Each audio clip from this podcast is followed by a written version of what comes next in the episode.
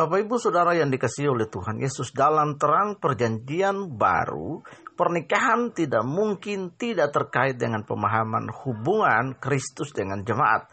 Dalam bacaan yang kita baca dalam Efesus pasal 5 22 sampai 20 sampai 33 menjelaskan di situ, "Hai istri, tunduklah kepada suamimu seperti kepada Tuhan, karena suami adalah kepala istri sama seperti Kristus adalah kepala jemaat.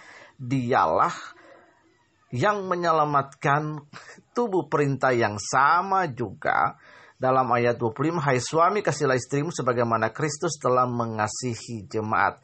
Jadi Bapak Ibu Saudara yang dirahmati oleh kasih karunia dalam terang perjanjian baru inilah kita menemukan pemahaman hubungan suami dan istri juga hubungan antara Kristus dengan jemaat dipersonifikasikan hubungan Kristus dengan jemaat dalam hubungan suami istri. Karena itu pernikahan bukan ada untuk pernikahan itu sendiri melainkan menjadi sarana untuk apa? Untuk memahami keluasan dan kedalaman cinta kasih Kristus kepada jemaat karena itu ingat baik, kasih kita kepada Kristus bagaikan melodi utama dalam lagu yang disertai dengan melodi-melodi yang lain yang membentuk aneka ragaman nada-nada kehidupan. Tanpa kasih Kristus yang menjadi pusatnya, maka pernikahan akan menjadi berhala. Dengar baik, erosi cinta karena kepalsuan harus diberantas oleh penghayatan cinta yang murni dan yang kudus dalam karunia cinta yang murni itulah pengenalan akan diri secara